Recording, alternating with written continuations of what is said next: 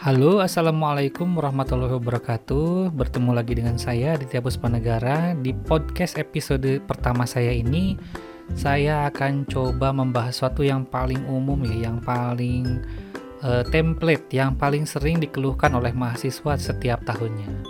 Pertanyaannya begini, kenapa sih kok dosen pembimbing jarang bales chat saya Jarang bales WA saya atau telat banget gitu? Dan itu sering dikeluhkan Malahan si mahasiswa tersebut sering posting ya, malahan suka jadi meme-meme lucu-lucuan itu, gambar-gambar lucu gitu ya. Tetapi hal itu memang fakta sih, tiap tahun berulang terus gitu ya.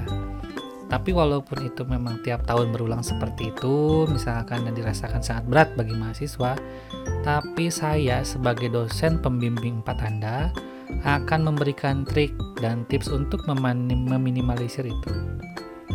Oke, trik yang pertama. Trik yang pertama itu yaitu adalah foto profil Anda itu harus jelas dong, jangan nggak jelas.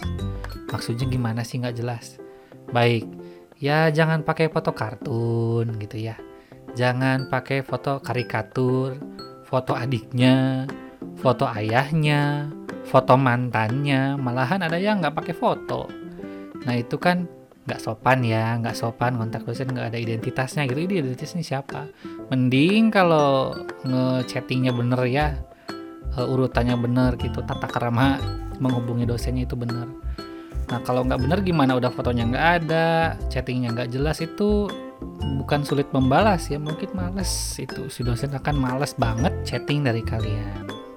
Gitu jadi pakailah foto sendiri itu trik yang pertama ya, silahkan dicoba. Oke, trik yang selanjutnya yang kedua itu misalkan kalian udah pakai foto sendiri udah bener gitu ya. Tapi fotonya kejauhan. Duh, gimana sih pakai foto sendiri tapi kejauhan kan gak jelas. Ketika si dosen itu mengecek, kok ini foto siapa ya? Tapi kok jauh banget, kecil banget, jadi nggak jelas. Nah, harapannya kalian bikin foto itu jaraknya itu jangan terlalu jauh jangan terlalu dekat juga ya. Jadi proporsional dah pokoknya intinya mudah dikenali gitu seperti itu. Close up close up ya seperti itu. Oke fotonya udah foto sendiri. Jaraknya juga udah pas lah nggak terlalu jauh. Tetapi editannya lebay banget. Ada yang terlalu putih terlalu gelap pakai efek-efek yang nggak jelas pakai filter-filter yang terlalu parah banget gitu ya ekstrim filter ekstrim gitu ya sampai editannya itu merubah wajahnya gitu. Nggak jelas juga sama-sama aja dong. Kok aslinya beda sama foto profilnya gitu. Jadi pasti dospem itu ketemu sama mahasiswanya itu ini siapa ya? Begitu. Nah jangan sampai begitu. Kita harapannya pas ketemu dosennya oh ini ya kamu yang kontak saya kemarin. Oh ini ya kamu yang kemarin telepon saya dan lain-lain. Gitu ya yang selanjutnya itu adalah waktunya. Kalau kamu mau chatting dospem dosen itu perhatikan waktunya. Jangan kepagian dan jangan kemalaman juga dong.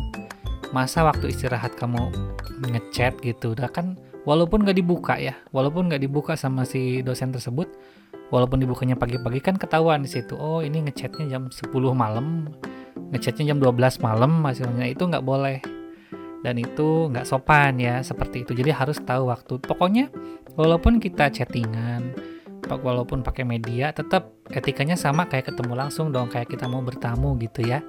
Seperti itu. Selanjutnya setelah itu jangan salah saluran komunikasi. Nah maksudnya gimana nih? Saya sebagai dosen pembimbing empat Anda senangnya tuh main di Telegram. Telegram itu bagi saya cocok banget buat kerja fokus nggak stalking stalking status orang dan lain-lain. Nah perhatikan si dosen tersebut enaknya pakai apa kita ikutin.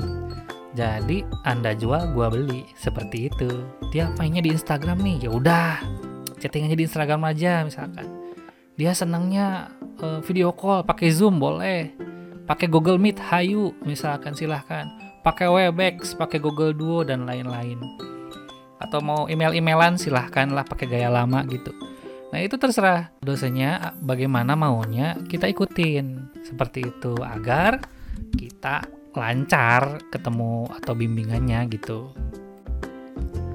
Oke yang selanjutnya itu adalah cara ngomongnya harus benar maksudnya ngomong gimana sih? Kan ini ngechat. Oh iya maksudnya itu etika ngechattingnya itu harus benar jadi harus ada etikanya jangan ujuk-ujuk. Pak mohon koreksiannya ya. Ini siapa? Namanya siapa? Judulnya apa? Nggak tahu.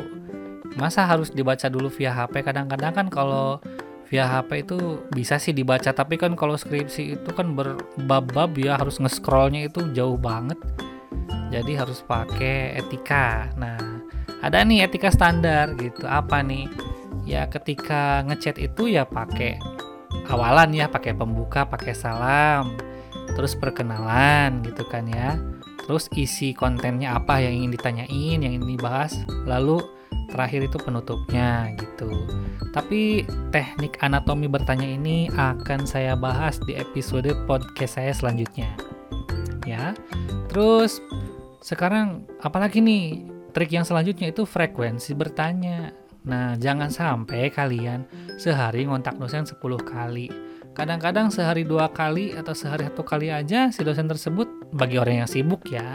Kita kan nggak tahu emosinya si dosen tersebut kita nggak bisa sama ratain dengan emosi kita atau emosi teman-teman kita itu beda kesibukannya beda tingkat stresnya beda jadi menurut saya kontak dosen itu paling-paling standar itu seminggu sekali atau dua kali lah bisa dikontak nah kalau misalkan seminggu nggak ada jawaban itu kita bisa kontak lagi di minggu berikutnya. Tapi kalau memang urgent bisa kita per dua hari, sorry, per tiga hari lah gitu, paling paling sering gitu.